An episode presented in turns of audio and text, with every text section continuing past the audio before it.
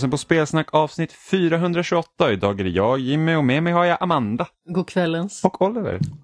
Hej hej! Det är faktiskt god kvällens. Vi brukar inte spela in så här sent vanligtvis längre. Nej, det är mitt fel.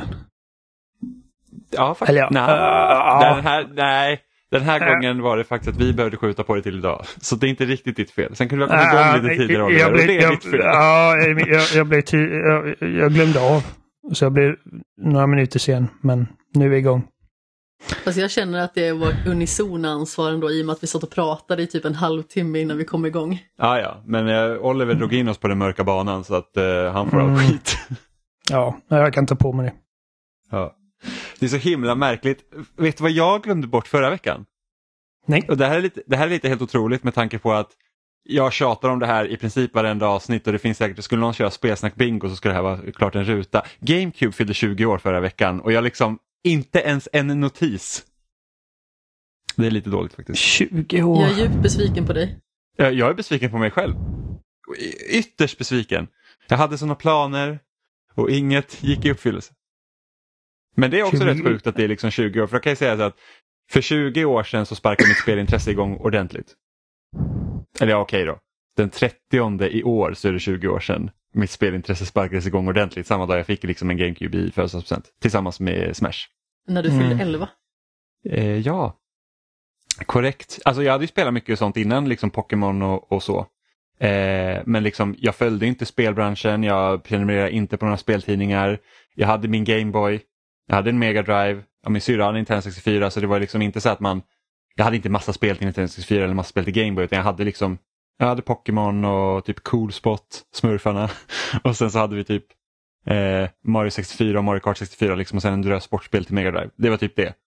Men sen det var liksom med GameCube som jag liksom började, så här, började prenumerera på Superplay, började liksom hålla koll på vilka spel som kom och började liksom lära mig mer och mer eh, om, om liksom branschen. Vilket ändå var ganska, liksom, jag måste ändå säga att Superplay var väldigt bra på den tiden för de hade väldigt mycket retroartiklar. Så vilket Mm. gjorde att man liksom vävdes in ganska snabbt i det här med att, liksom att okej man ser vart, vart liksom hela mediet har kommit ifrån. Vilket jag tycker ändå liksom är, är, är kul.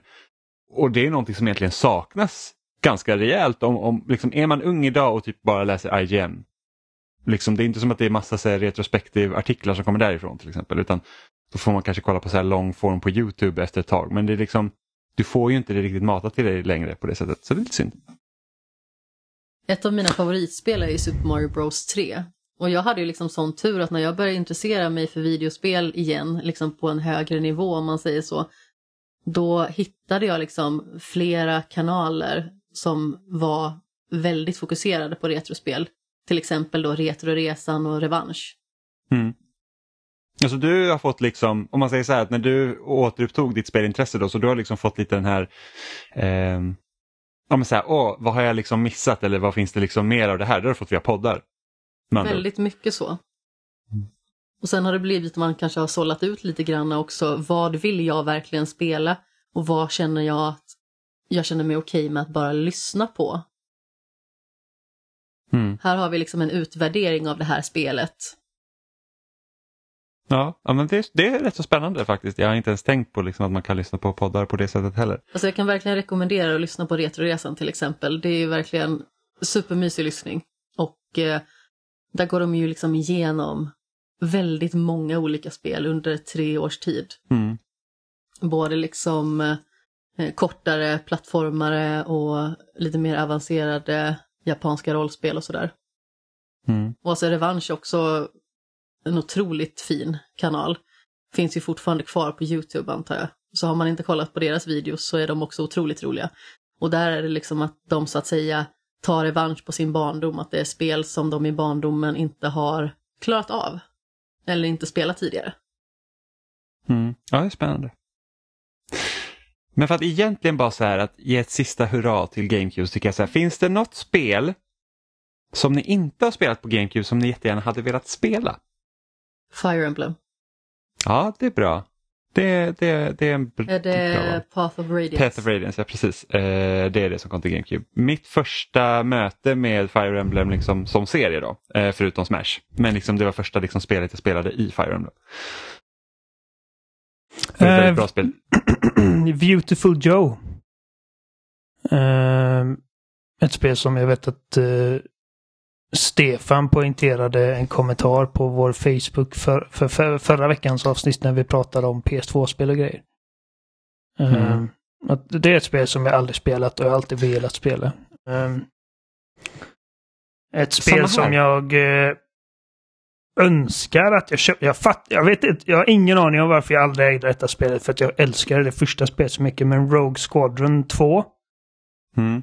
Uh, alltså det, kommer ihåg när man såg det första gången. Liksom, det var ett av launchspelen har för mig.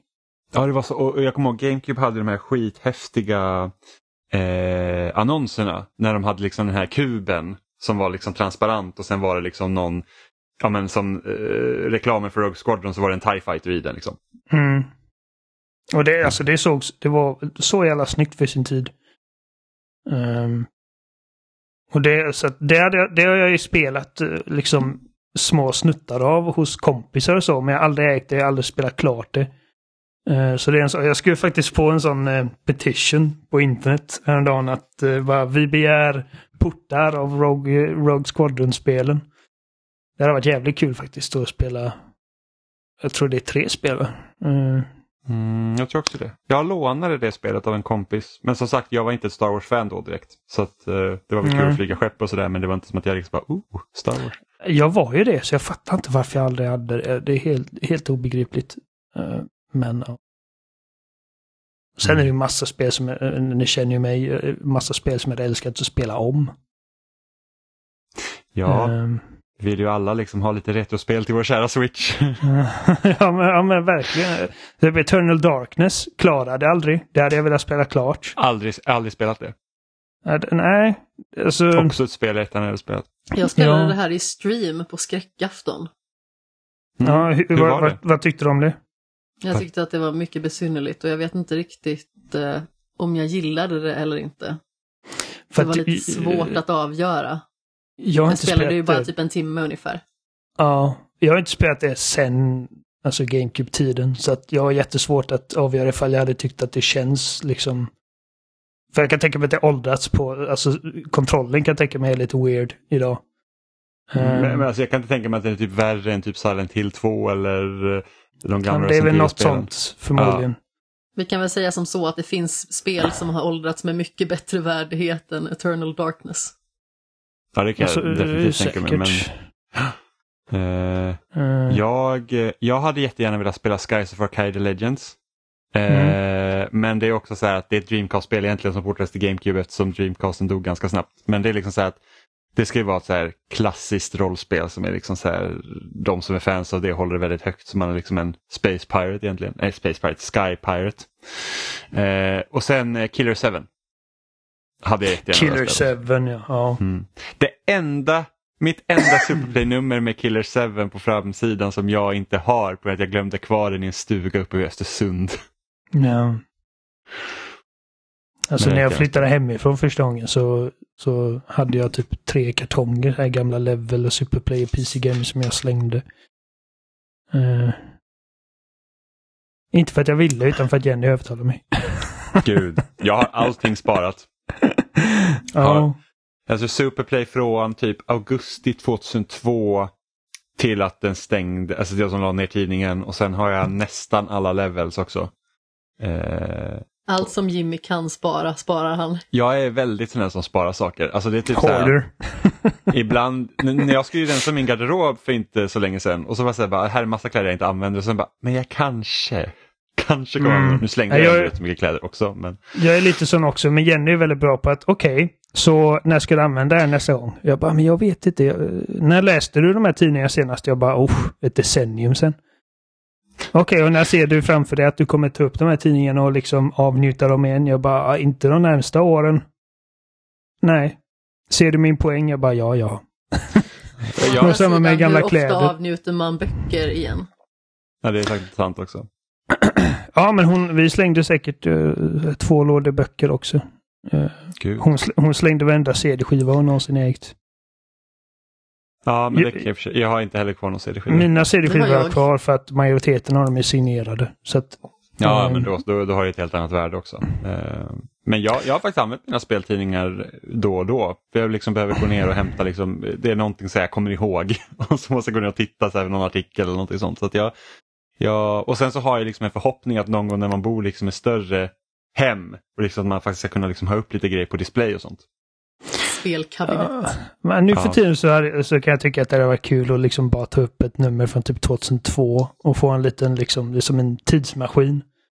Och läsa någon typ så här super... Uh, um, Superplay-artikel om ett kommande spel som man med facit i hand vet allt om men som man då liksom typ pratade liksom om med en viss med en visst mått av typ mystik och spekulation och Läsa men- Viktor Sjöströms eh, sexa av Super Smash Bros Melee. ja. Och sen Då så fanns det inte recensera en kommentarsfält. Brawl och Goggle 86. Jag vet men det, alltså, det roligaste var så här att jag och min kompis, en av mina bästa kompisar i grundskolan, liksom, när vi läste den här recensionen så vi var så här, ja men det är ganska rimligt ändå. För då tänkte jag att när man, alltså, när man börjar betygsätta då är det så här att ja men det är klart man använder hela skalan. Alltså kändes det, i alla fall som vi gjorde, vi bara men det känns rimligt och sen så nu är det typ så här, får inte ett spel en nia då är det typ så här, äh, för, många, inte för mig Mm. liksom, men det är så höga. Ehm, Okej, men en sista grej då bara innan vi faktiskt går vidare till vad vi ska prata om. Bästa spelet på GameCube? Super Smash Bros Melee. Ja, ja det är godkänt. Oliver? Ja, det är inte alls ett dåligt svar. Eh, min hjärna gick direkt till två spel. eh, som jag inte riktigt... Får jag gissa det Ja, ena? eh, Ja. Resident Evil 4. Ja. Det andra är Metro Prime. Ja. Ah, se!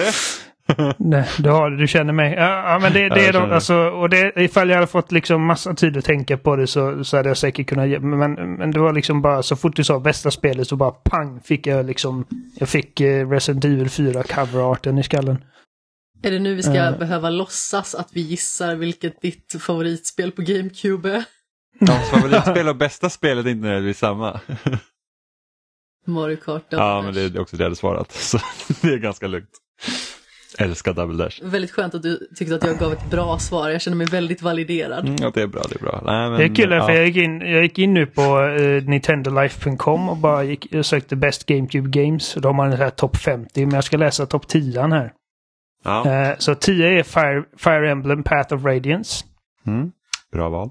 9 Skies of Arcadia Legends. Ja. 8 Twilight Princess. 7 Jaha. Melee. Oj! 6 Ocarina of Time slash Master Quest, alltså den här bonusskivan. Ah, det är, det är cop-out. 5 Ja, är Zelda Collector's Edition, vilket också är en cop-out. Vad är det för? Eh. Alltså den här med typ eh, den med typ 2D-spelen och... Och, Och, Four Majora's. Mask och... Det är ju jättekop-out. Ja, ja det, är- det är bullshit. Uh, fyra Resident Evil 4, tre Metroid Prime, två Wind Waker och ett Paper Mario Thousand Year Door. Det är också ett spel som jag önskar att jag hade kunnat spela. Hoppla. Eh, men vi går då till, vi går till plats 12 och 11 bara för att räkna bort de två Zelda cop-outsen. Ja, Så precis. 12 är Pikmin 2, Ja, 11, 11 är Double Dash. ja, ja det, det jag godkänner. Pikmin 2, alltså första Pikmin tycker jag jättemycket om. Jag tycker verkligen, alltså, då kände jag verkligen så här att usch, det, tidspressen är jobbig men jag tror att det är ändå det är ändå nog det som gör att det spelet har lite en edge över både tvåan och trean tycker jag. Eh, men tvåan hade ett jätteroligt multiplayer-läge där man liksom typ födde upp sin egna jävla Pikmin och sen så gick man head to head med en annan person och så slogs man honom för att få liksom de här eh, pelletsen som man skulle ha till sin bas. Alltså, och så kunde man typ ge dem buffar så blir de helt frenetiska. Och det, var, alltså det, och det värsta med Pikmin är ju liksom det här att när, när Pikminen dör, det är typ världens största sorg. För att det blir så här liten så här själ som åker upp och så man bara så här, Och så dör de.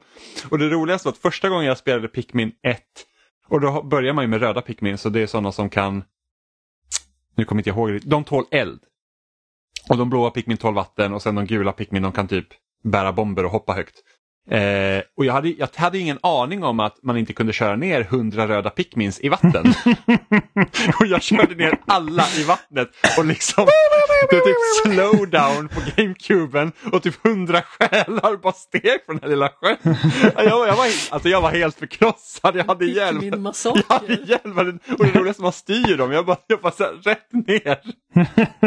De bara, Ah, vänta fan. lite nu. Han beordrar oss ner i vattnet. Äh, han måste ha en plan. Det här- Vi kommer nog inte dö.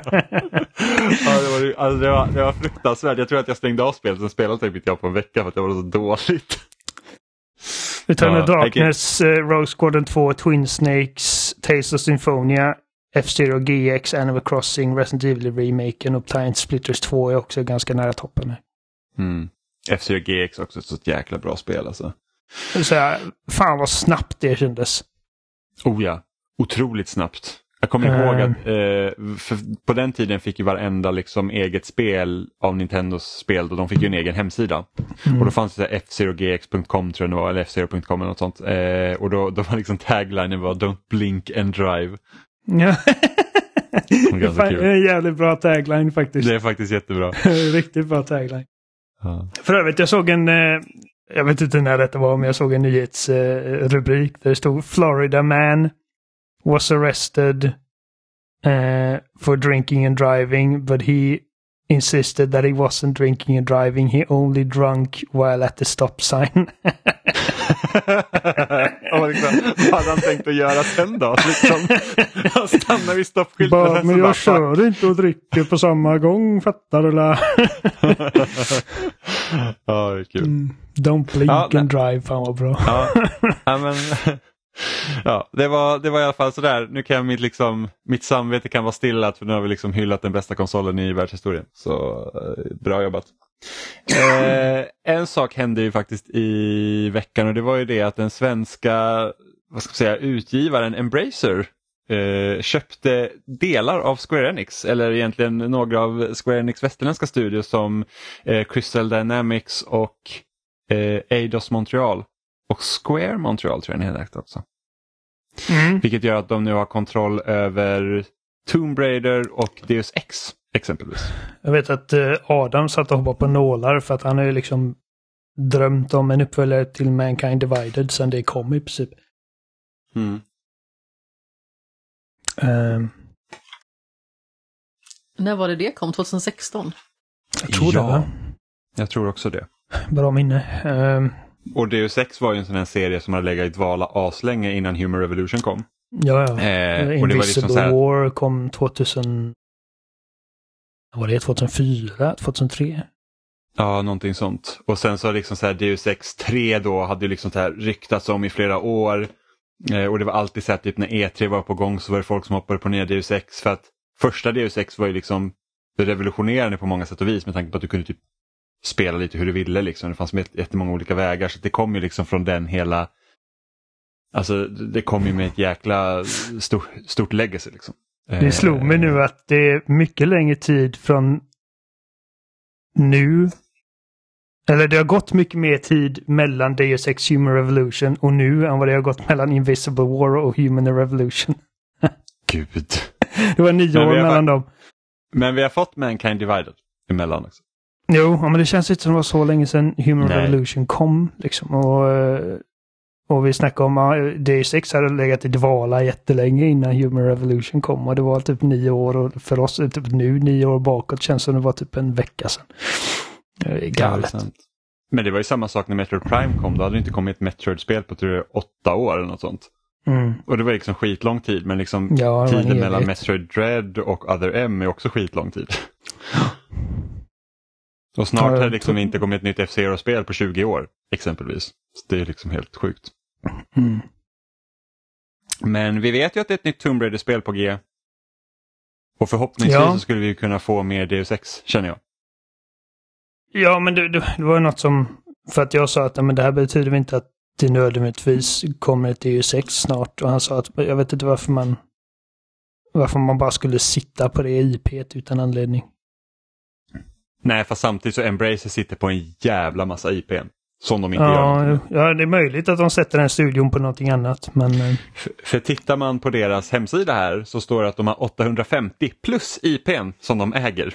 Och det är så att, och, och det är liksom, de kommer inte släppa 850 spel liksom det närmsta. Men liksom så kommer värna det här. Sen, så- sen så kan det mycket möjligt vara så att, att, liksom att Eidos sitter och arbetar med kan sitta och arbeta med ett Deus Ex. Liksom. Ja, men, det var ju lite oambitiöst. Ja.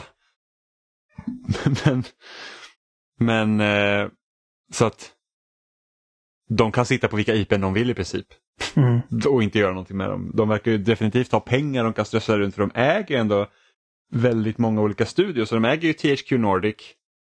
De äger Koch Media tillsammans med Deep Silver då. De äger även Gearbox vilket jag hade helt glömt bort. Ja, jag med. Så att de har ju liksom en hel del men eh, ja. Sen så är det lite konstigt. Sen är det lite konstigt tycker jag väl att Square Enix de sålde ju väldigt billigt. Alltså det var ju så här om vi tittar typ på Ja, men liksom vad, vad Microsoft köpte Activision för eller Sony köpte Bungie för så kommer man till så här Square Enix, liksom några studier så är det så här ja, 300 miljoner dollar. Det var liksom så lite, typ lite växelpengar kändes det. Ja, precis.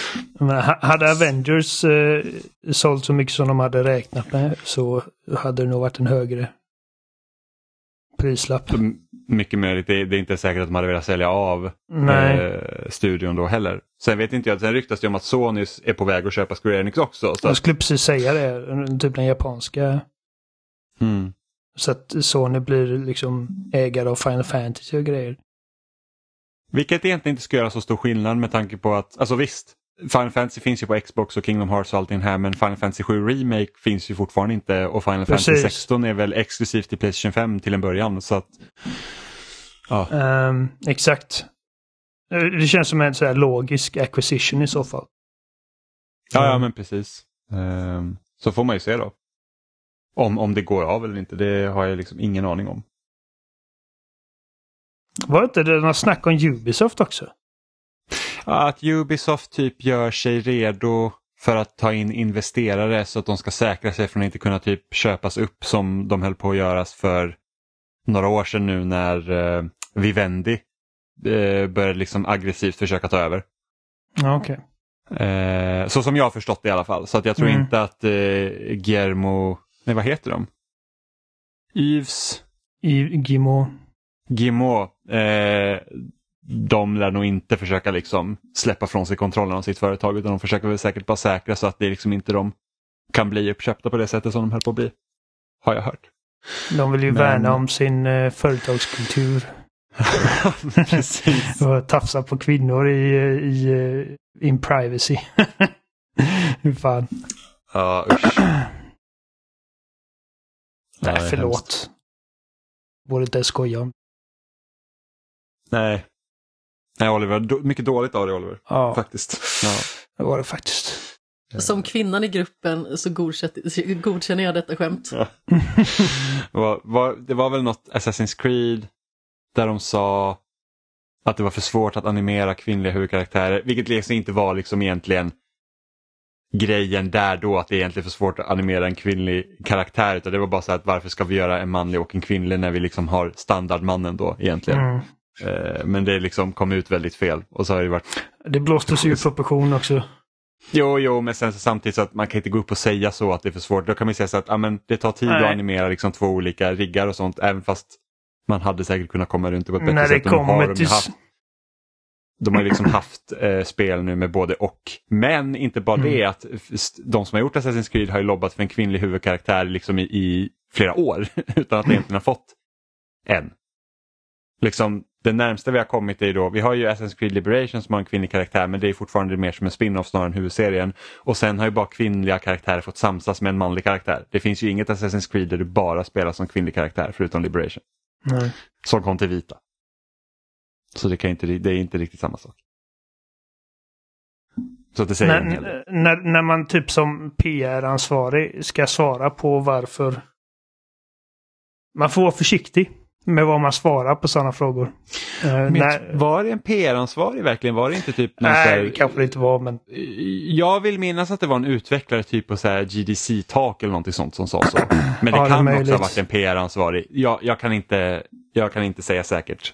Så, Det är en förbaskat osmidig kommentar. När man otroligt får, osmidig kommentar. Även när man får, för jag kan tänka mig liksom att folk på studion när de liksom fick höra bara ah fan, det här kunde du sagt bättre. Ja, men verkligen. Mm. Och sen så kan jag ju säkert tänka att många bara så att ja, vi vet hur det är. Liksom. Alltså Mm. inte så att åh, det är svårt att animera kvinnor utan så att vi försöker liksom stångas, alltså stånga våra pannor blodiga för att liksom försöka få in en kvinnlig karaktär i serien och det liksom möts bara med motstånd. Så att, ja. Nej, det, det, det fortsätter hända saker i spelvärlden helt enkelt. Oh. Eh, men eh, vi har väl, var det din mage? Jag trodde det var hunden. Nej, det är korrekt. Det var min mage. Den eh, morrar förnöjt. Du sa det precis efter att jag rapat. Jag bara oj. Ja, det är kul att alla gör ljud. Eh, men som sagt, det händer mycket i spelvärlden. Så det har ju gått en vecka sedan senast. Har ni hunnit spela någonting roligt den senaste veckan?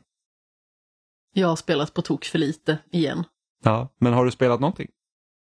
Jag har fortsatt lite grann i eh, Nobody Saves the World. Ja, vad, eh, vad tycker du? Vad är För detta det för någonting? jag tidigare. Ja, vad är det Amanda? Vi kan väl börja där. Ja, men alltså man vaknar upp som en eh, byxlös och eh, blank karaktär. Som dessutom har fått eh, minnesförlust. Så man vet liksom inte riktigt vem man är och man vet inte vad man har för syfte i världen. Man tar sig ut och börjar utforska och eh, stöter i ett litet hus på någon form av eh, tjänare till en eh, trollkar trollkarl som har blivit eh, bortrövad eller har försvunnit. Och i en låda där så hittar man ett trollspö som man norpar och tar med sig. Och med det här trollspöet så får man olika förmågor. Och där kan man transformera sig, exempelvis som då är den första karaktären, till en mus. Som då naturligtvis kan ta sig in i trånga utrymmen och i skrymslen och vrår.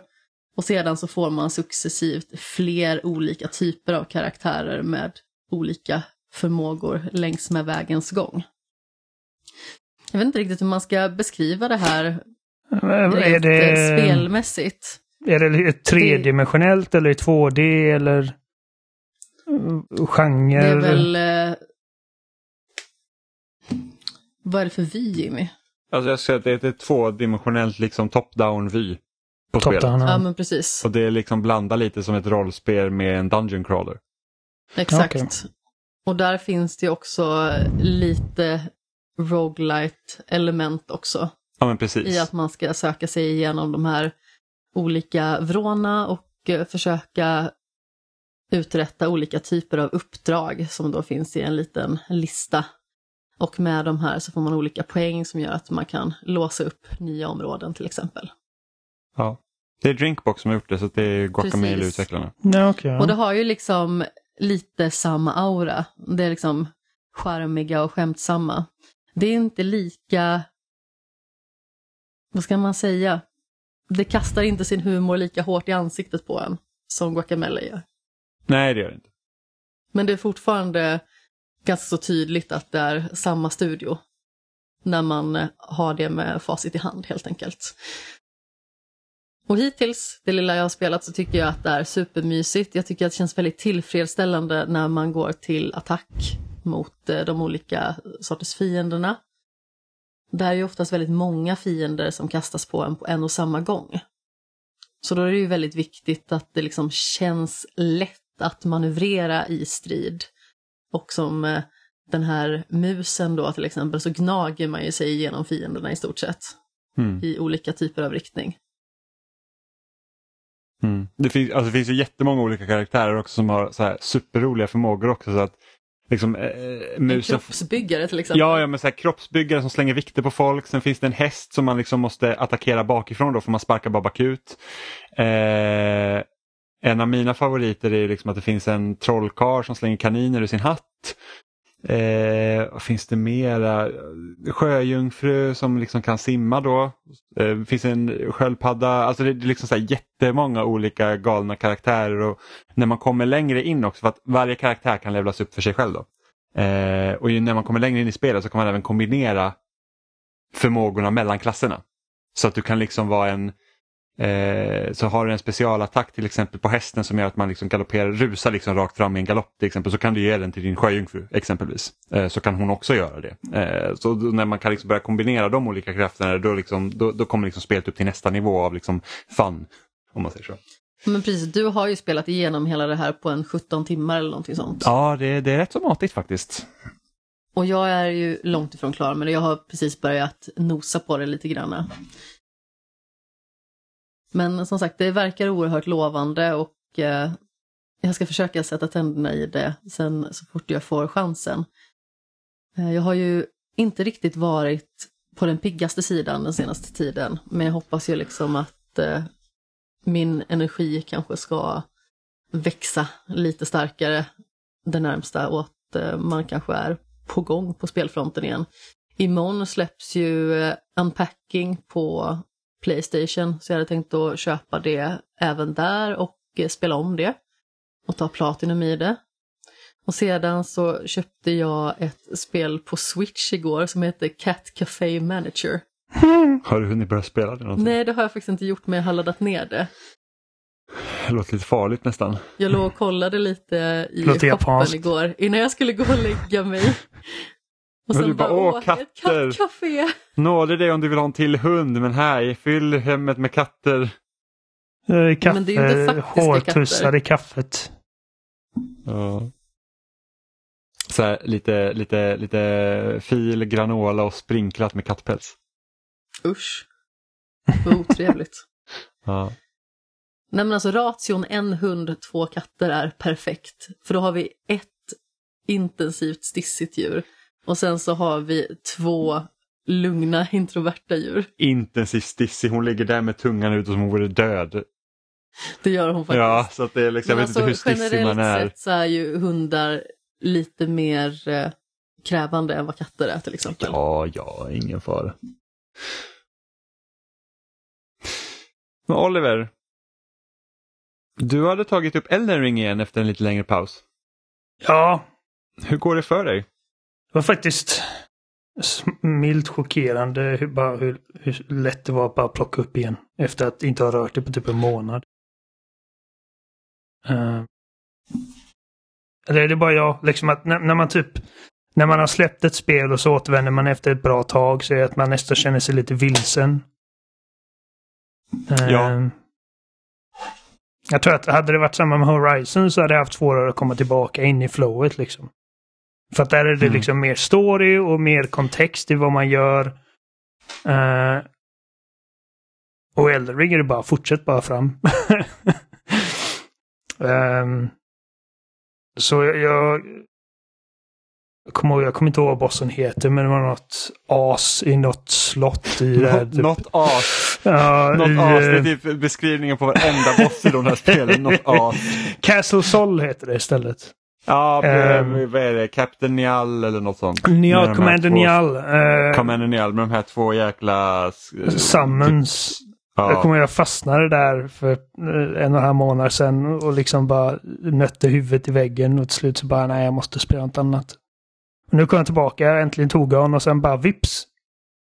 20 minuter senare hade jag klart t- tre nya bossar och jag var liksom back in the groove. Mm. Och bara råkade snubbla över liksom det sista, eller sista banan om man kan säga. ja, men precis uppe... Eh, Med alla tornados och skit. Ja, ja, aha, okej, du hamnar där. Eh, och jag bara, det här ser väldigt mycket ut som liksom det sista man gör. Så jag, skrev, jag tog Mm. en bild och skrev till Martin, bara, är detta sista banan? Han bara, ja. Jag bara, jag är inte färdig än liksom. Jag har inte gjort, vad heter hon? Mel- eh, eh, då sa jag uh, uh, Melania. Eh, Ja. Melania, nej jag sa Melania. Jag tänkte på Melania Trump. Eh, Mm. men, men det är ombytt. Tänk henne som en boss. Ja, säkert lika vidrig.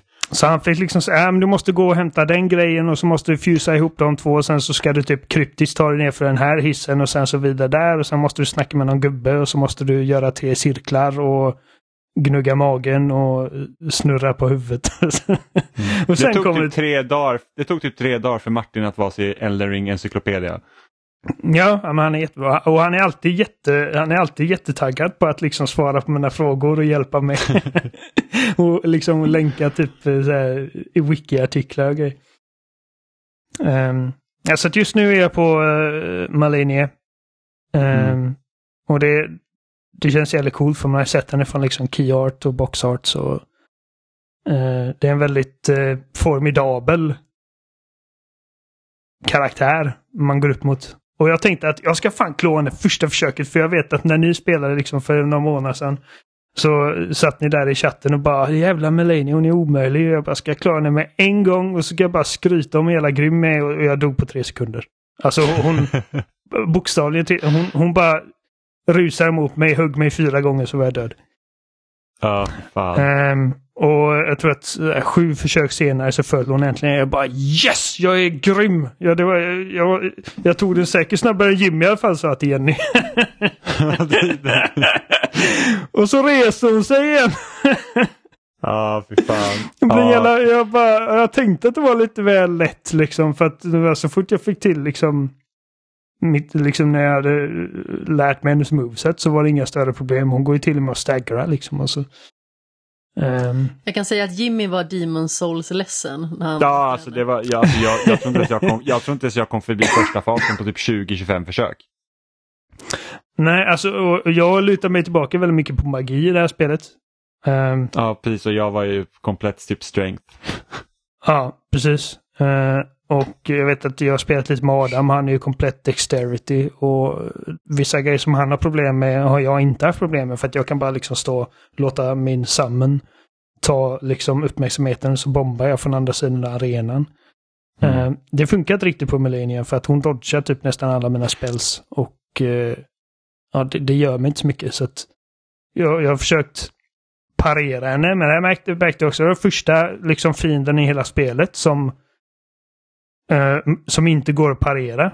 För att när man lyckas parera så hon bara liksom tar steg tillbaka och hoppar undan. Så jag antar att man måste parera flera gånger på rad för att... Ja, jag vet inte. Men... Eh, jag tror det är sju försök så kommer förbi första fasen och sen bara instadog jag. Någon... Ja, det är som hon flyger upp i luften och sen bara ja, bombar rakt ner. Ja. Precis. Alltså det är så eh. många gånger som jag har dött av den attacken och bara så bara, jag gjorde precis som jag gjort tidigare. Det är liksom så att jag har försökt hoppa bort och det liksom och nu bara träffa hon. Så bara, ja, kul. Och jag har typ klagat på Martin. Jag bara, vad är det för jävla bullshit det här stället? Alltså bara vägen fram till henne. Allt, det är en jävla mardröm. Allting vill ha ditt huvud på ett spett. Jag var ehm. så hög, jag, hade, jag, hade så, jag var så höglevlad när jag var där så jag hade liksom inga problem med vanliga fiender men hon var en jävla pain alltså. Det är jag med. Jag är fan level 130 typ. Alltså. Ja, i och för sig. Det nog, kan nog också ha varit när jag var där. Jag tror, alltså bara på det stället har jag nog förlorat alltså 600 000 runes. Utan, oh, utan problem. Vilket är åtminstone fyra levels för mig. ja. um, nej, så där är jag nu. Uh, jag, jag, jag dog en gång på andra fasen och så tog jag en paus. Och så jag har inte spelat, det där var igår. Så jag tänkte jag ska mm. försöka igen ikväll. Men du sammanar liksom inte medhjälpare och sånt? Alltså mänskligt då. hjälp? Jaha, ja. nej. Uh, nej, okay. nej, utan jag tar de här. Jag har min fullevlade så här, Ghost Summon eller vad det är som är jävligt bra. Alltså han, han tål så mycket stryk. Han, han gör inte mycket skada på bossarna men det spelar ingen större roll för han bara tankar allting. Mm. Och eh, jag bara låter honom ta uppmärksamheten och så går jag och liksom eh, dishar ut skadan när bossen inte tittar på mig. Och det är grejen när man spelar co-op, för att jag och Adam har spelat lite grann. Um, I vissa fall blir bossarna svårare när man är två för att uh, bossens uh, hälsopool ökar. Jag vet inte om det ja. är dubbelt eller om det jag är... tror uh, det kan vara dubbelt och har man tre stycken så är det ännu mer. Så att uh, bossen i Castle Nial som vi pratade om, jag fastnade på först. Där liksom, alltså det gick inte att spela K på den. Alltså jag var tvungen att ta den själv för att han tålde så jävla mycket. Ja. Ehm, Ja, jag hade ju min Mimic Tear på honom, eh, Mm. pre-patch. Och det var ju liksom bara så alltså vi smälte honom i princip. ja. Det var liksom så att alltså Mimic Tearen innan de nerfade den var liksom helt galen för att den kunde ju hela sig själv i princip hur mycket som helst för att den tog liksom inte av dina flaskor. Den kostade jättelite HP att samla till den grad att jag inte ens visste att den kostade HP. Typ. Okej. Eh, Den, tar, den tar i alla fall 60 Och den liksom- av min hälsa. Ja, och den aggrade allt. Alltså varenda boss var bara intresserad av den och den och, och hade man ju liksom, den hade exakt samma bild som dig också. Så jag hade ju vapen med bleed, så vi båda stod och slog från varsitt håll och bossarna bara så här. Jag förstår att de nerfade den i så fall. Ja, det var lite synd tycker jag. Ja, Jag älskar att vara OP-stark. För mig är den, den, den, den är helt okej. Jag, jag har min Ja. fullevlare, den är helt okej, men, men den dör ganska snabbt. Ja, Eh. den gör ju det. Eh, sen så hade jag en annan summon som jag inte minns vad den heter nu, men det är typ en assassin-figur i princip som är skitstark.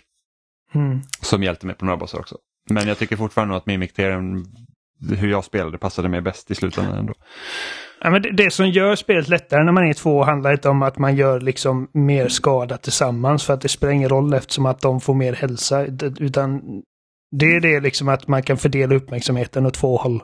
Ja, Eh, Precis. och fiender som, alltså om man eh, kollar utanför bossar, liksom bara vanliga så här riktiga tanky riddare och grejer. De blir ju ett skämt när man är två. ja. För att man bara står på varsin sida och backstabbar om och om och om, och om igen. Ehm, så att... eh, ja. Det var skitkul innan de nerfade Horfrost Stomp också. Så kunde man ge en så här, vi hade en yxa som man stampade i marken med så då, då, Mm. då, då, då blir det liksom is. Så att det, det är liksom farmingstället jag hade eh, för att liksom få så mycket runes som möjligt. Alltså det tog typ, alltså du var klar på typ 20 sekunder och hade dödat typ 13 fiender. Och så kunde du börja om och om igen. Och sen när man mötte svårare eh, fiender och så hade du din Mimic Tear och så stod ni bara från varsin sida och stampade i marken. Allt dog ju bara. Skitkul.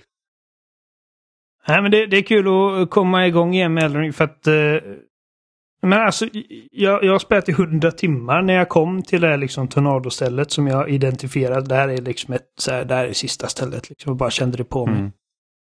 Och jag bara kände, jag är inte redo för att det här ska ta slut. Och det, det är sällsynt när man, när man har ett spel idag. Där man när man Ja, har klockat speciellt när man 100 spelar så timmar. Och bara, jag är inte redo för att det här ska ta slut. Liksom. Alltså hade det varit vilket annat spel som helst så bara, åh äntligen. jag ser ljuset i tunneln. Ja. Ehm, så att, eh, utan jag bara, jag måste liksom gå igenom allt jag missat nu. Det jag håller på med.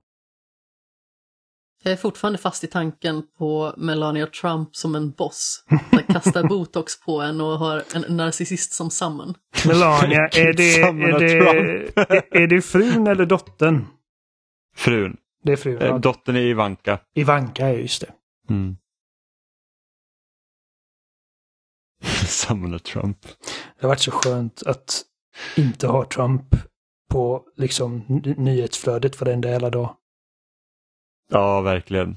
Det, det, det var typ Det det var, skönaste. liksom, det var som att liksom, ja, det, det, det är det absolut bästa med att Biden blev president. Ingenting med hans politik att göra. Det är bara att jag slipper läsa om Trump varenda dag. Det var som att efter fyra år bara liksom komma upp till ytan och ta ett andetag. Kunna andas ut, ja precis Ja. vad jag skulle säga. Ja. Sen verkar ju så här Demokraterna vara helt in, inkap... Alltså, de verkar inte kunna göra något vettigt ändå. Det är liksom... Nej. Nej, de har inte gjort jättestora framsteg om man ska vara Nej men alltså det är liksom så här typ att ah, nu hela den här abortfrågan liksom. Och så bara ja ah, men de kan typ Alltså det, deras politiska system är så jävla jobbigt för att det är så att ja ah, men då kan de göra det till lag att aborträtten liksom det, det är lag. Staterna kan inte välja för sig själva. Men då måste de också ha Då måste de också ha en majoritet i representanthuset. Jag vet inte vad det heter så, så ta mig inte på orden. Men jag tror och, det, och just nu är det typ 50-50 och de behöver typ ha 60 av 100 eller något sånt där som röstar för och det är liksom ja, Vilket jävla det- u-land. Alltså, ärligt Ja, talat. men alltså det, det är Mm. liksom, ja. Det, det, alltså överhuvudtaget liksom att det är rätt så intressant att se hur mycket Republikanska partiet bara svängde efter Trump. Liksom bara att det är så att, äh, men Mm. we are the worst, liksom det är bara go for it. typ, man bara okej, kul, kul, kul att inte ni, eh, alltså det är så här, man är glad att man inte bor i USA i princip Ja. Så. Men givetvis Eh. föredrar man ju Biden sitter på den stolen. För Ja, han han, han har i alla fall lite liksom decency i sin kropp. Alltså, Ja, ja. helvete. Ja, ja, ja gud ja. Och framförallt är han ju inte helt väck. Nej, nej. Ja, det är liksom, usch. Han är inte ett barn. Som håller på att kalla sina motståndare för typ eh, Crooked Hillary och Sleepy Biden. Det är inte ens det värsta. har sagt, Nej, liksom. precis. Men bara liksom, det, är, det, är inte, det, är inte, det är inte lekstuga i amerikansk Nej. politik på samma sätt längre. Utan nu är det bara Eller- dåligt som det alltid varit. Det är det. Alltså okej, man kan säga så här, det är lekstuga men det är inte de som sitter i lekstugan som sitter och bestämmer just nu. Nej, Typ. men liksom den här Typ. infantila tonen. Liksom. Ja, det är fruktansvärt. Ja. Nej. Får vi se då vilka som sitter och bestämmer i riksdagen efter eh, vårt val. Eller, ja. Ja, det är intressant. Mm. jag gjorde den här valkompassen och jag, jag, vet, jag vet fortfarande inte riktigt. Alltså det, varje val, jag menar, det är liksom, bara för att jag röstade ett håll en gång betyder inte att jag automatiskt kommer göra det igen. Ehm, och varje val står jag liksom och känner bara, jag vet fan inte vad jag ska rösta på. Mm. Jag bara ja, för vet vad första jag absolut... valdebatten igår. Vad sa du? Första valdebatten var igår på SVT. Ja, jag kollade lite grann men... Ja, jag Jag- såg också. Och det är liksom så att de har typ åtta personer som är mästare av att inte svara på frågor. Ja, men det, det är liksom, det man bara dansar runt allting och jag, Ja. liksom, jag bara tröttnar på Och att det är- titta. slut. Och, och så har de sin så här inövade så att det här är våra sakfrågor vi ska prata om så mycket som möjligt. Så det spelar ingen roll vad de får för fråga för de vänder alltid tillbaka till sakfrågan. Man bara det där är inte relevant. Nej, men precis, det är typ hela tiden en form av låt mig ignorera frågan och prata om det som jag vill prata om Ja, istället. och då, så, Mm. och då får Moderaterna säga ja, men det där var inte det vi frågade, det där är en fråga som kommer senare, kan du svara på den här istället? Och de bara jo jo, men jag vill bara säga och man bara nej du vill inte bara säga. Jag tycker alltid Eh. synd om så här politiska moderatorer. Liksom vilket jävla skitsnack Ja, alltså- de måste stå ut med. Ja men alltså, alltså och sen så här att bara försöka förhindra sig själv och säga hallå din dumme fan, svara på frågan för i helvete. Måste lägga band Liksom, på det, det är så jag känner, det är bara, liksom bara jag frågar dig en rak fråga, det ska inte vara så här svårt att svara på den. Eh, ja, Så att det, det är samma som, som inför varje val, att jag vet inte vad jag röstar på. Jag vet bara vad jag absolut inte kommer rösta på. Det, det är liksom Ja, så långt Det är jag... exakt samma sak för mig Oliver. Ja. Ja, gud. Jag är Ja. nog rätt säker vad jag kommer rösta på. Men det är inte så här att man känner så här, oh the joy, det är det självklara valet. Utan det är så här att det är lite taktiskt. Liksom. Eh, så att, men, men vi får se. Eh, jag har spelat ett spel som jag inte tycker om. Eh, Vad roligt. Det här började väldigt bra. Ja, det här började inte alls bra. Nej, men det var, det var, och det här var inte ett spel som har liksom varit på min radar länge. Utan det var liksom mer så att jag såg en trailer på det och bara, oh, det ser jätteintressant ut. Så jag har spelat Trek to Jomi. Eh, som är liksom ett, ett spel som är inspirerat av Kurosawa-filmer. Liksom. Du är en samuraj. Eh, och sen så är det så att oh, det kommer någon eh, jag tänkte säga okänd makt, men det kommer liksom en, en, egentligen en annan klan och liksom börjar typ invadera byar och kommer liksom närmare din och det är liksom ditt jobb då att försöka förhindra dem. Eh, och sen så händer det saker och du hamnar typ i helvetet och sen är det liksom du ska ta dig därifrån i princip. Och det är svartvitt och stilrent. Yes, så spelet är helt i svartvitt så det ser liksom ut som en Kurosawa-film och jag kommer ihåg att när Ghost of Tsushima kom så hade de det här Kurosawa-mode när det var i svartvitt. Men det var ju liksom Mm. inte riktigt, alltså, Eh, alltså Ghost of Tsushima är verkligen gjort för att du ska se de här levande färgerna, att du liksom förlorar lite av upplevelsen du spelar i svartvitt även om det är häftigt att det fanns där. Det här spelet är ju utvecklat med liksom det svartvita i tanken så att alltså, det är precis som med Cuphead, du vet det så här att även om du inte gillar typ Boss Rush Mode eller liksom de här de fattiga eh, plattformsbanorna som finns i Cuphead, liksom du, du laddar ner det och tittar på det. Det räcker typ. Eh, och så känner jag samma sak för det här spelet. Det är liksom så att det är så snyggt. Jag tog så många screenshots på min Xbox. Jag sa oh my god, det här liksom, alltså det ser liksom, det ser nästan unreal ut. Eh, för att du spelar inte som i, det är inte så här kamera bakom axeln perspektiv liksom i tredje person utan det är liksom det är nästan som att någon har typ tittat på de här, eh, alltså de tidigare Resident Evil-spelen. För det är liksom låsta kameravinklar överallt. Ja, Eh, och så styr du, det är inte tank controls, men du styr gubben liksom genom kameravinklar i princip. Så att det är liksom fruktansvärt. Du såg ju när jag spelade Amanda. Eh, att liksom att det är otroligt vackert. Alltså ljussättningen är ju verkligen magisk. Ja, det, det är liksom, alltså, ja men som sagt, karaktärsmodellerna är inte jättefula men det är inte så ofta de är i närbild. Så att så Tack och fort, lov. ja, tack och lov. Men så fort det är på håll så är det liksom bara så att ja, det här kunde ha varit en tavla, det här ser skitcoolt ut. Ehm, så de använder väl liksom de här låsta kameravinklarna väldigt, väldigt bra. Problemet med det här spelet är ju att striderna är ju åt helvete tråkiga alltså. Du har typ fem, sex fiender max och typ fyra spammar om dig oändligt liksom med. Men precis, och det kan ju finnas någonting väldigt härligt och eh, tillfredsställande i det monotona. Alltså jag jobbar ju på ett väldigt monotont vis och eh, vissa simulatorspel kan ju vara väldigt monotona. Eller när man liksom ska mula en uppsjö fiender. Det kan ju vara jättetrivsamt. Men det här ser verkligen urbota tråkigt ut för att det är fiender där man ändå måste ta det här rörelsemönstret i beaktning men det är hela tiden samma skrutt. Ja, och det hade ju egentligen inte varit något fel i sig. För jag, jag kan tänka mig att om man liksom tittar lite på typ det här, eh, alltså Dark Souls-spelen lite i form av liksom så att ja, men du ska parera, du ska liksom rulla undan och, och sen har du liksom olika kombinationer som du kan göra. Jag tänker mig att det kanske är lite åt det här Salt and Sanctuary hållet. Säkert, jag har inte spelat de spelen så jag vågar inte svara. Nej, men vad eh, jag har förstått så är det lite så Dark Souls 2D. Mm, ja men eh, lite åt det hållet. Eh, för att varje gång man liksom går in i strider så är också kameravinkeln i 2D-perspektivet. Och så du, har liksom bara, du behöver bara liksom fundera på fram och bak. Eh, och sen så ska du då parera och dodga. Problemet är ju bara det att det känns inte tillräckligt bra. Det känns inte tillräckligt responsivt att slåss. Det är så här liksom att Eh, en grej som man liksom måste få in ganska tidigt är så att ah, men när en fiende attackerar dig så ska du parera för att då liksom då går spelet in i slow motion och du får liksom tid att göra en kombo på, på den fienden. Det är bara det att tajmingen för den känns så jäkla avig för att ofta, i många spel så är det så här att ah, men när, när era klingor, när du planerar liksom att de ska mötas, då parerar du. Liksom blir ding. Men här är det så att du måste vara så, du måste vara så tidig. Så typ att om en fiende liksom tar svärdet över sitt huvud så att han liksom är på väg att liksom ska börja attackera på dig, då måste du parera. För att det liksom ska lyckas, annars så slår fienden dig. Så hamnar man liksom lite ur synk så är det liksom, och det känns inte bra.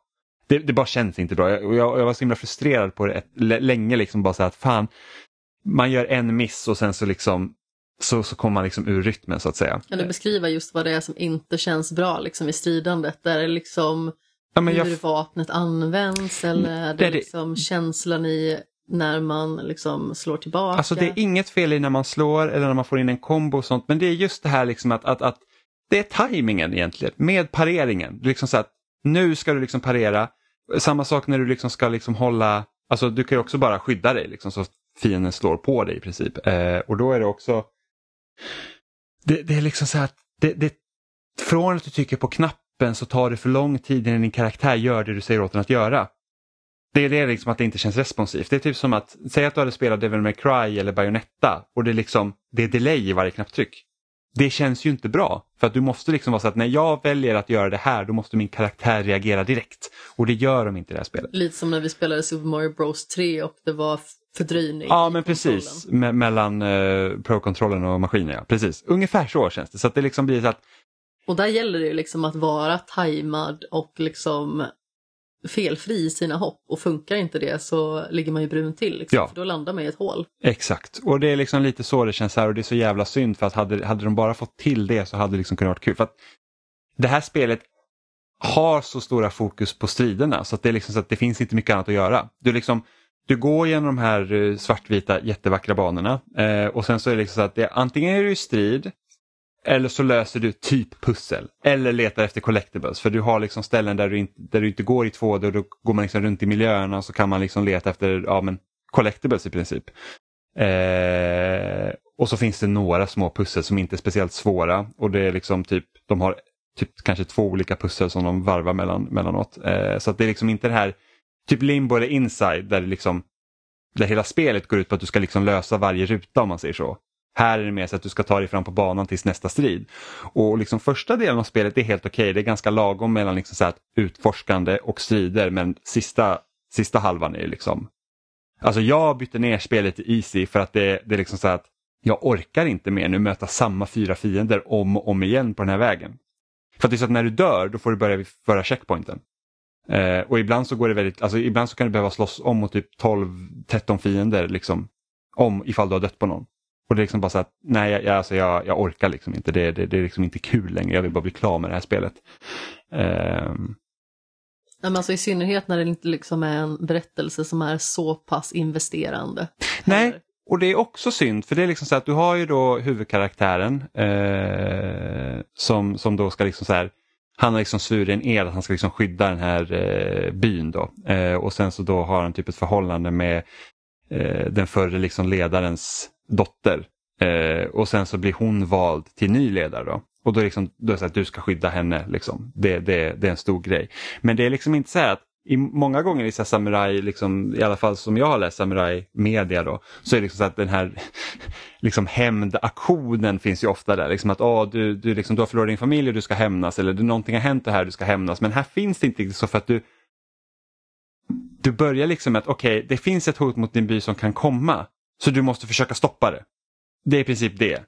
Eh, sen händer någonting så du hamnar i helvetet och sen ska du försöka liksom då ta dig tillbaka. Men du är liksom inte investerad i din karaktär och du är heller inte intresserad, intresserad, investerad i någon annan heller. Och då blir det bara så att Ja, om, om storyn hade varit spännande så hade det varit en sak. Då kan man liksom genomlida sig i ganska tråkiga saker. Men liksom bara, storyn säger inte så mycket och sen så striderna är inte speciellt roliga. Då är det så här bara, ah, va, vad ska jag göra egentligen? Så att min behållning med spelet var ju det att jag tyckte det var fint att titta på. För att det är väldigt fint att titta på. Ja, alltså definitivt.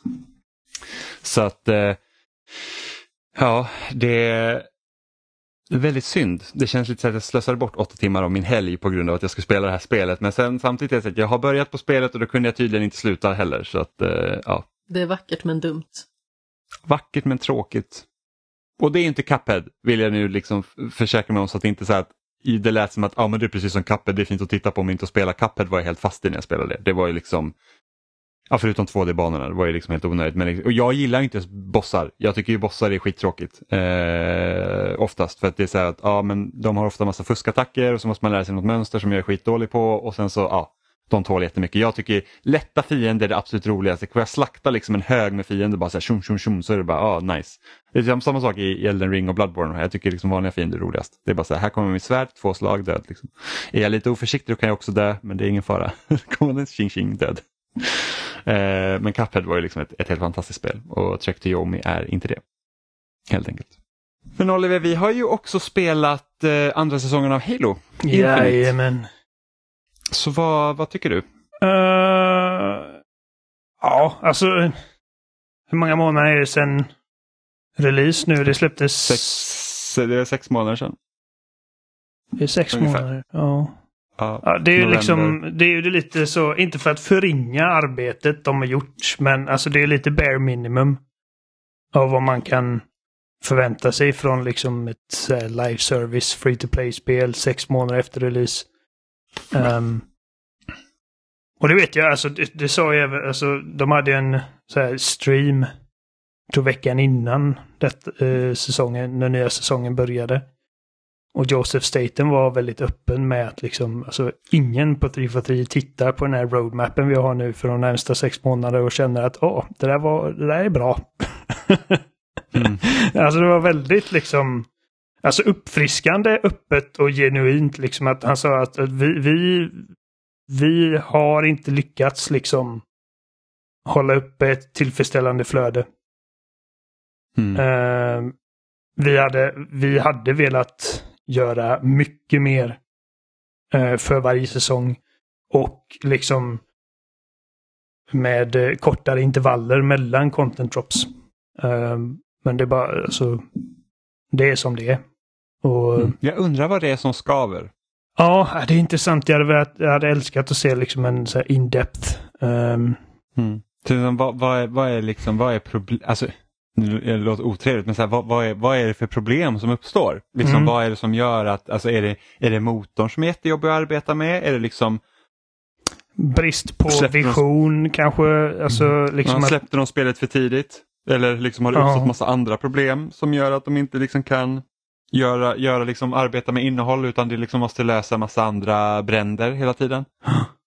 Ja, jag, jag, jag vill vara försiktig med att spekulera liksom eh, exakt vad det är som har hänt men alltså det är ju massa grejer. Alltså, spelutveckling är ju skitsvårt även under de bästa förutsättningarna. Och eh, Men sen, sen är det ju alltså när man har liksom en, ett varumärke som Halo och en studio som är helt dedikerad och helt byggt, byggd från grunden för att liksom hantera bara det varumärket som är liksom en av de största spelarna i hela spelindustrins liksom främsta varumärke. Alltså eh, Halo är liksom alltså Microsofts, uh, ska man säga, um,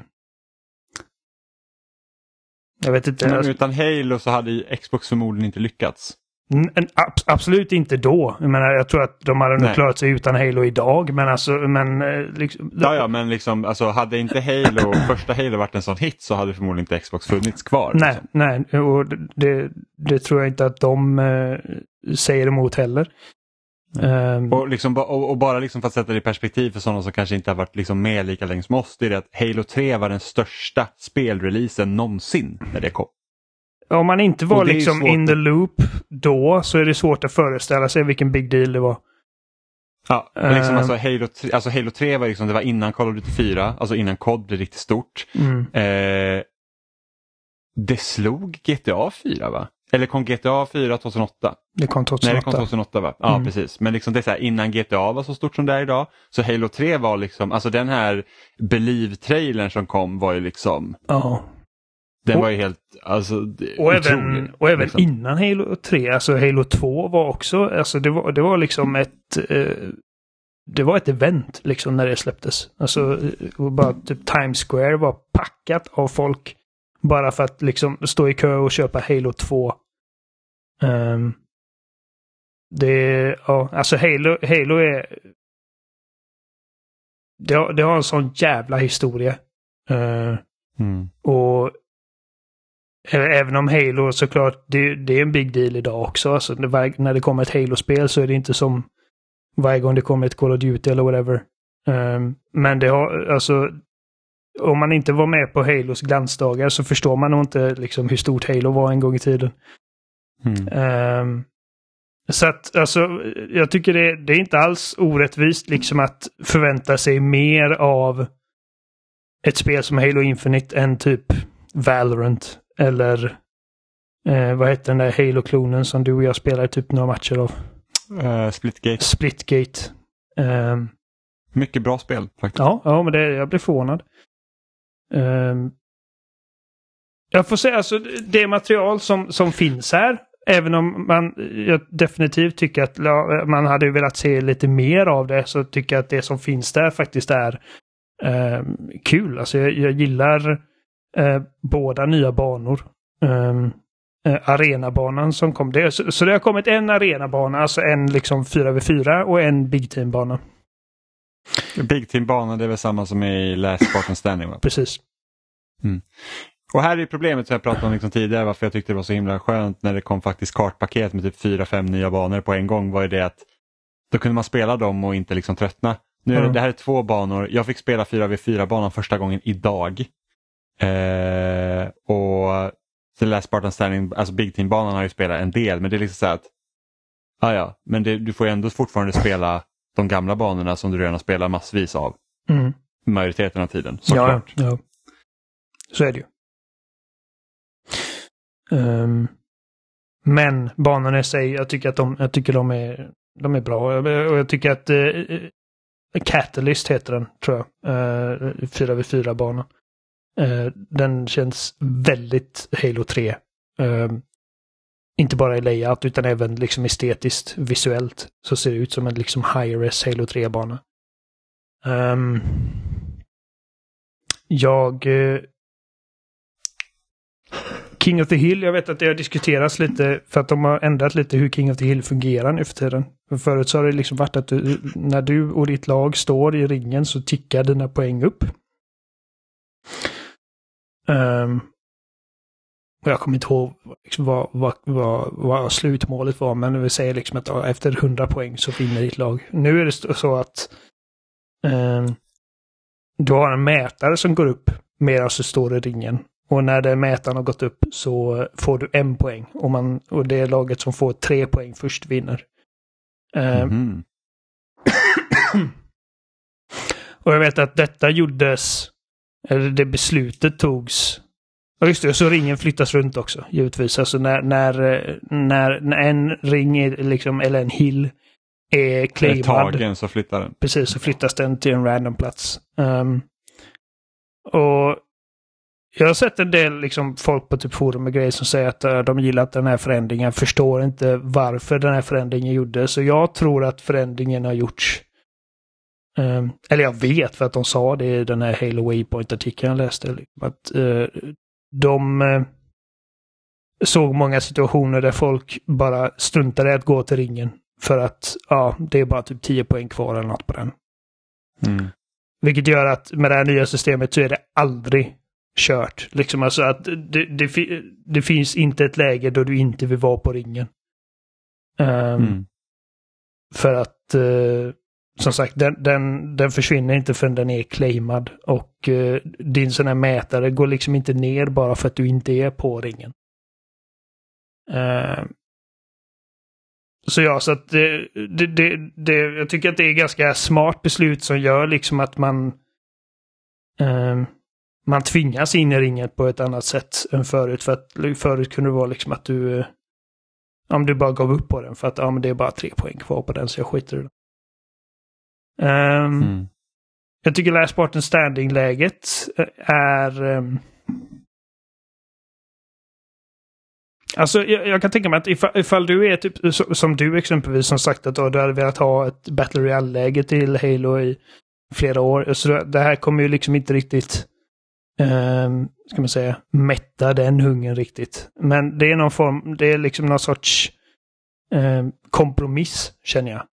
Um, ja, alltså det har egentligen mer gemensamt med ett gun game egentligen.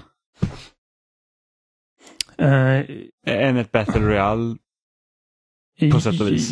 Ja, jo, skulle man, ja precis. De har aldrig, de har aldrig du... beskrivit det som ett Battle Royale-läge. Nej, nej, nej. Alltså, man kan ju säga att det blandar egentligen gun game med Battle Royale-ish. För att du har ju liksom, alltså om man tänker ett vanligt gun game då är det den som kommer först till sista vapnet. Liksom. Mm. Eh, Medan här så är det så att du har fem liv.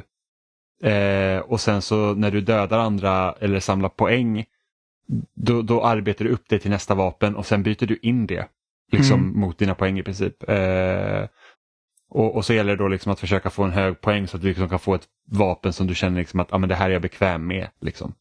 Eh, och det, och det tycker jag väl liksom är en, det är en ganska rolig take på hela grejen. Och sen så när, du, när någon dör, eh, när någon, en spartan liksom förbrukat alla sina liv så blir det liksom en liten orb med XP som du kan plocka eh, plocka upp. Liksom, och oftast du... dör man när man försöker ta dem. ja men precis för att det finns ju det, är tydligt när någon försöker ta en. Liksom, mm. för då är det mätare vid den bollen som liksom tickar upp och, och, och man ser, alla ser ju liksom att någon försöker ta den. Mm. Eh, och, och så. Så det, jag tycker att det är ganska intressant take på hela formulan. Sen så uppmuntrar det till liksom diverse äckelheter dock. Eh, det är liksom opportunisternas spel egentligen.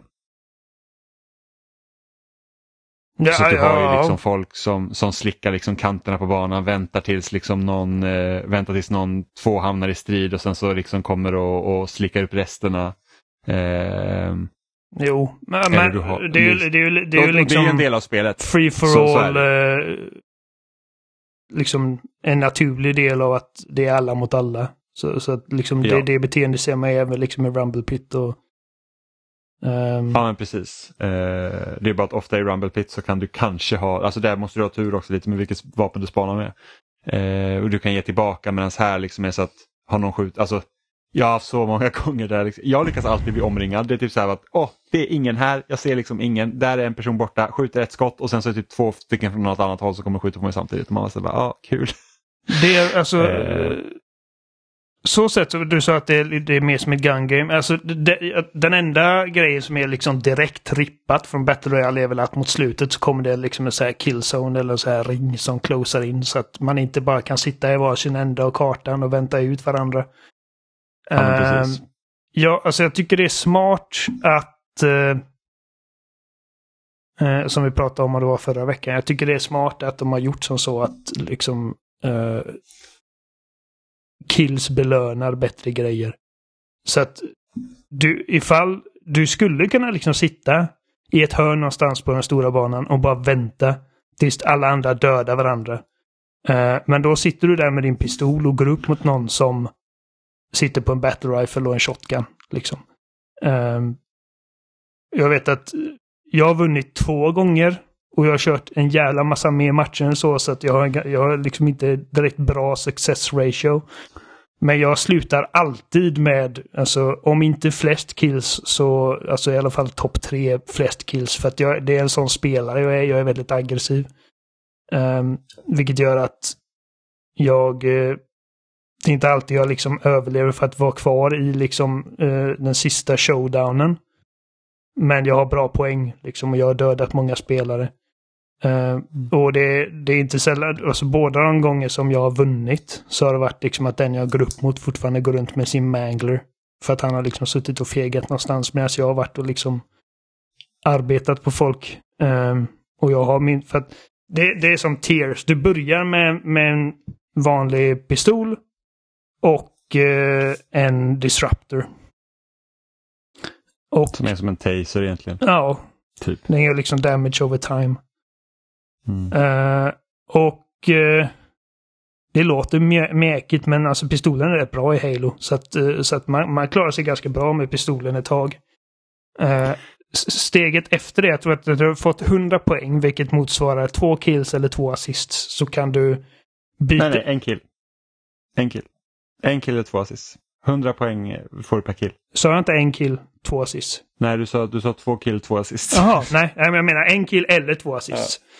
Ja. Um, så då kan du uppgradera dig så att du får, då, då har du Manglern och Disrupten. Och sen vid 300 poäng, um, alltså två kills till då, så får du, då får du en Assault Rifle och Mangler.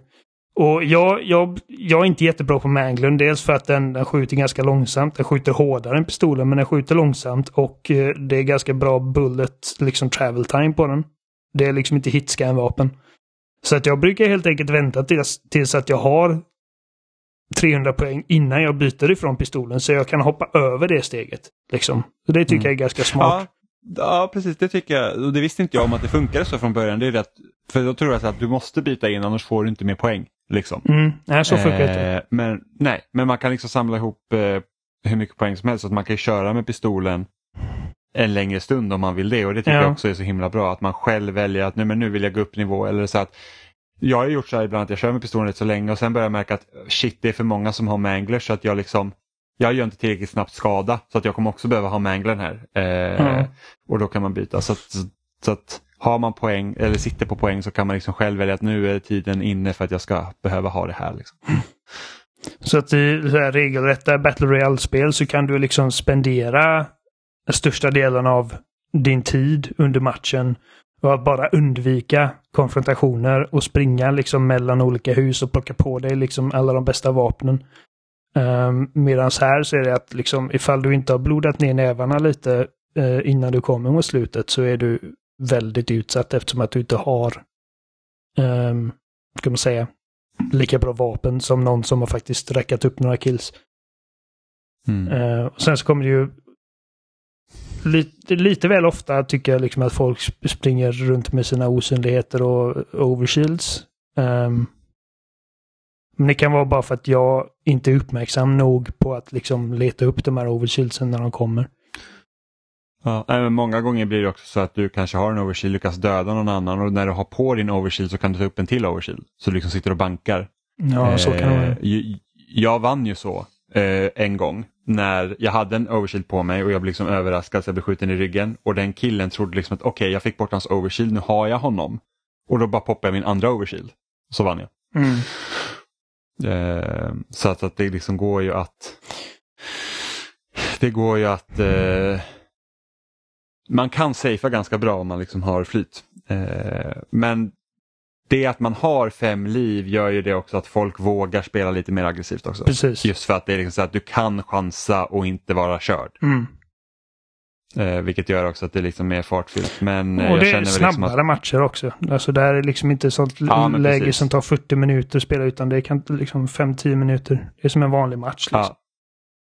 Ja. ja eh, så, att, så det, det, det, är rätt så kul men eh, det är nog ingenting som jag liksom kommer liksom köra jätteofta. Speciellt inte när det bara finns på en bana just nu heller. Nej, det är väl det som är grejen. Att, att, jag förstår att uh, det inte bara är att man, man skapar ett nytt läge och sen så är det bara liksom att det är automatiskt det är kompatibelt på alla andra banor. Men det som uh, håller tillbaka det läget just nu är att det bara är på den här banan. Um, mm. Och där liksom ett, ett, ett, ett fullskaligt då Battle Royale klarar sig undan med det för att banan är så pass stor. mm. Det är liksom så att det, det, du, du kan, liksom, det tar inte en kväll och sen kan du hela banan utan det händer olika saker hela tiden. Eh, Jag hade gillat att se ett duels-läge. Uh, ja. liksom på exakt samma grej fast man kan köra så här, uh, i par. För det går inte att söka i party här va? Nej, precis. Nej. Vilket Ja, jag förstår. För att... Uh, Jag förstår det också för att folk hade fuskat så jävla mycket men det hade också varit kul. Alltså jag tycker ju om när man kan köra free for all online när man fortfarande spelar mot sina vänner. mm, jo. Ja, för att jag, alltså... Och det är säkert så liksom att nio av tio spelare förmodligen hade spelat schysst liksom. Det är bara att de vill spela tillsammans. Men så är det den liksom en av tio som bara boostar challenges och bara och äcklar sig eller teamar upp. Uh, Ja, men jag kan ju tänka mig att det är så här typ spelare som hade, de hade sett till att döda alla andra och sen har det varit de två endast kvar i matchen och sen så sitter de typ bara Precis. och låter tiden gå ut. Särskilt i ett spel som är så helt byggt kring challenges. Alltså, eh, hade, det varit, liksom, hade man kunnat söka två stycken till en Rumble Pit eller en Free for All, alltså det hade ju varit så många challenge boosters, det tror jag faktiskt. Jag vet Ja. att det är det- många som säger att Nej men så har det inte varit i tidigare Halo. Då liksom att det, har, det har funnits när man kunde spela liksom i party i Rumble Pit. Men jo, men då var det liksom inte att det var styrt kring ett challenge-system. Ehm, Nej. men ja, alltså hade, hade du och jag sökt Rumble Pit och jag hade hit, eh, sett dig, jag hade skjutit ihjäl dig i soffan. Ja, precis. Så det hade vi gjort. det Man för att vinna. Eh, Ja. Eh, så att det, ja. Men eh, Och sen, sen Battle liksom Passet ändrat- antar jag, eh, om, om du vill nämna något om det. Jag vet att du bryr dig Ja, mer om sånt än vad jag gör. ja, alltså det är lika tråkigt som det förra i princip. Ja, okej. Det är liksom fortfarande att de har typ så här att ja, men här låser du en axelpadd och sen så måste du ta två levlar till och så har du en till axelpadd. Liksom. det, det, det är ganska ospännande grejer. Just med att också ha liksom fortfarande är det så låst till de olika armor coursen så du kan ju liksom inte mixa och matcha hur du vill. Jag har för mig att de sa Vilket- någonting på den här streamen att, eh, att de ska försöka göra så att så här, coatings och grejer är mer universala.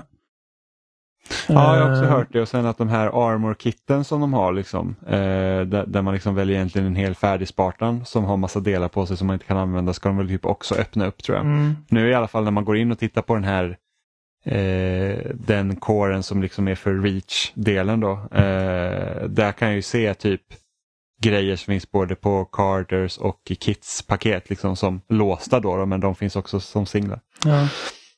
Alltså Mm. det här med armor cores, eh, inte kits, för att kits är specifika dräkter inom en viss familj av, alltså det är jättekonstigt ifall man inte vet hur det ser ut i spelet. Men Mm. Just- Ja men det är typ så här, Master Chief hade kunnat vara ett kit så att man hade fått se sin Precis. armor exakt likadan inom en armor core som är liksom en dräkttyp om man säger så. Så att eh, Reach, alltså Reach-estetiken av, eller den familjen av armors, det är en armor core. Och så har du liksom alla olika då, typ som du har Cat och du har June och du har eh, Emil och de här. Och sen har du ändå modernare, mer liksom kontemporär. Detta är så hur Spartan ser ut under händelserna i Halo Infinite som är eh, sp- Mark 7 tror jag det. Ja. Och sen har du uh, kåren, uh, Samurai-kåren, vilket är liksom, den står ju ut. Ehm. och sen har vi två nya då, en, en eh, jag kommer inte ihåg vad de heter, men det är två nya helt enkelt. Och jag tycker faktiskt om att ha, ha olika, för, för att då, nu kan jag ha liksom, jag kan göra min liksom bästa optimala Mark 7 kärna och jag kan göra min bästa optimala Mark 5-kärna. Jag kan göra min optimala Samurai, min optimala bla bla bla vad det nu heter, den nya och den optimala där vad den nya, nya heter. Och så har jag typ liksom... Eagle Strike och någonting på R. Ja. Eh, och det är som att ha liksom en liten garderob. Man går in och så kan man hoppa i olika dräkter lite hur man vill mellan matcherna. Så Mm. att eh, istället för att liksom bara, bara åh nu vill jag ha en ny axelpadda så, så har jag liksom typ som man går ner i sin Batcave och ser de olika Batman-dräkterna. Det tycker jag faktiskt om. Nu vaknar jag till liv. Ja, Batman. Ja. Men det- det, hade fortfarande kunnat vara så, liksom att du säger att du har fem stycken olika armors som du kan liksom, som loadouts. ja, jo. Jo, absolut. Så hade det gått om man hade velat kunna blanda. Jag, jag tror jag nästan stör mig mest på att jag inte kan färglägga min armor som jag vill. Att man måste ha den där coatings. Det är så jävla tråkigt. Mm.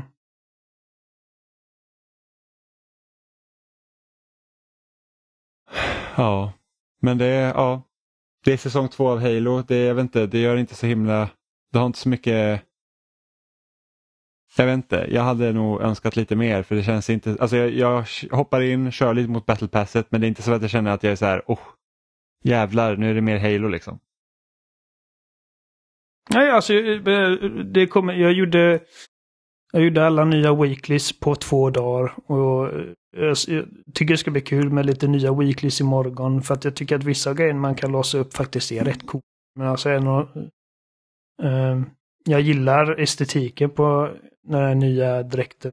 Eh, som är verkligen så här typ ett havsbygge. Alltså någonting som man har typ slängt ihop eller lagat ute på stridsfältet. Så här typ en an antenn som man har slängt på på sin axel.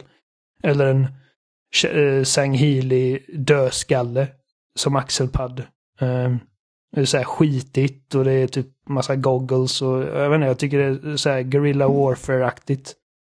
Eh, så att Nej, jag håller med om att det inte är världens mest spännande liksom upplåsningar. Eh, men eh, jag tycker ändå det är kul med någonting nytt att jobba mot, vilket var länge sedan. Mm, ja men så är det ju. Alltså, på den fronten är det kul. Men sen så som sagt, jag har ju tidigare sagt jag inte är riktigt förtjust i challenge-systemet heller. Nej, ja, det har ju sina Eh, nackdelar nu- definitivt. Ja, men nu hade de ju svängt om lite i, i playlisten också så jag har kört Team Slayer och nu har de BR-starts där. Ja, det, det finns både och. Eh, Ja okej, jag har bara fått köra BR-starts och det är så här att så fick man köra på den här banan som ingen tycker om.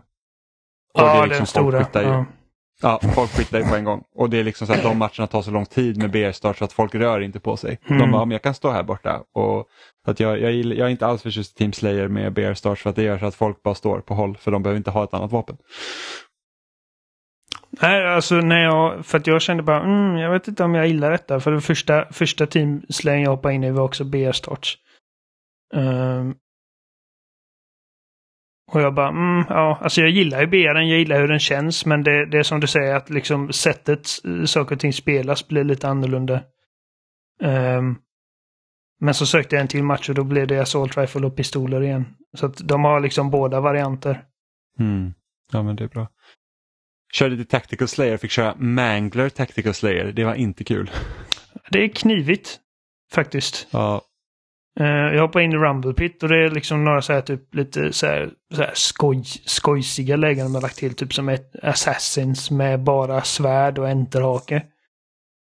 Och det var ju bara rent kaos. Alltså, jag, ja sånt är ganska kul. jag, kunde jag, jag, jag, blir, jag blir mest sur för att alltså jag, jag, ja, folk flög över mig och kom flygande bakom mig och jag bara, jag hann inte ens reagera.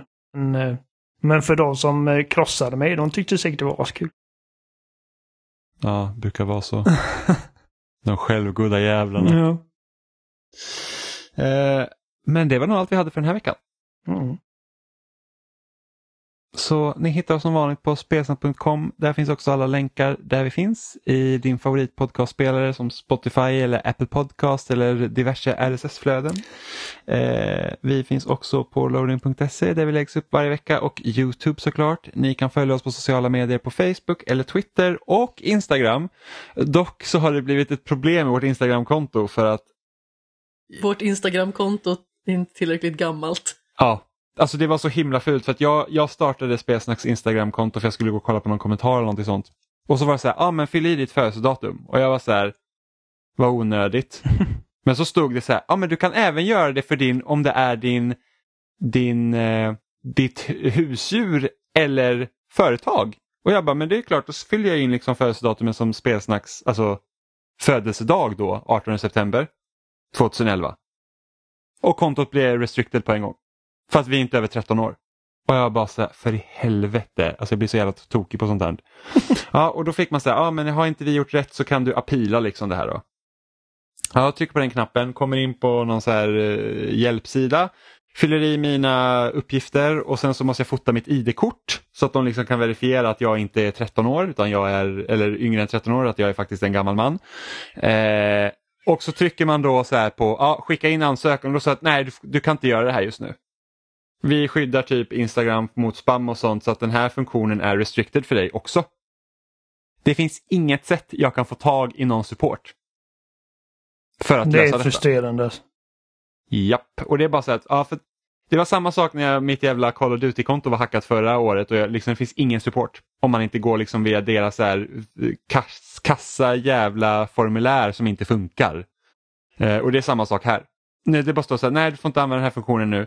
Eh, och om 30 dagar så tar vi bort ditt konto om inte du löser det här. Och man bara, men jag kan inte skicka in någonting. det, liksom, det funkar inte. Så att nu har jag liksom uppe en sida och jag testar liksom igenom mellanrum hela tiden att skicka in den här jävla ansökan och så att de äntligen släpper upp den funktionen för mig. Och då står det så här att, ja men om, om, om du inte tycker att det här är rätt så då kan du liksom kontakta vår supportsida. Och så trycker man på supportsidan, då kommer du bara till en FAQ. Det finns ju liksom ingen mail där jag kan mejla, det finns inget annat formulär jag kan skicka in. Äh, det, det är helt, jag blir tokig. Så jag typ googlade runt lite, någon bara, ja men jag körde typ en ad på Facebook och då fick man liksom en support-mail man kunde mejla till. Och jag bara, jag tänker fan inte betala pengar för att komma åt en support. Så att jag får se hur det löser sig, annars får vi kanske skapa ett nytt Instagram-konto. Eller något, jag vet inte. Eh, Det är skitstörigt är det. Ja, det, det låter störigt. Ja. Men så lägger det till så att ni vet. Så att eh, ni kan typ spamma Facebook och säga att ni vill ha tillbaks, att spela få tillbaka sitt Instagram-konto. Eh, ja, men det är så det är. Men eh, ni hör oss som vanligt varje onsdag. Så tackar vi för denna gång och så säger vi godnatt och hej då. Puss i ljumsken. Slicka analen. Oliver. Ja, men jag har alltid gillat att Amanda har sin sista liksom hälsning och jag ska... eh, Jag, jag, jag har... Jag har cementerat min nu. Mm, jag känner att lite uh, in progress eller någonting.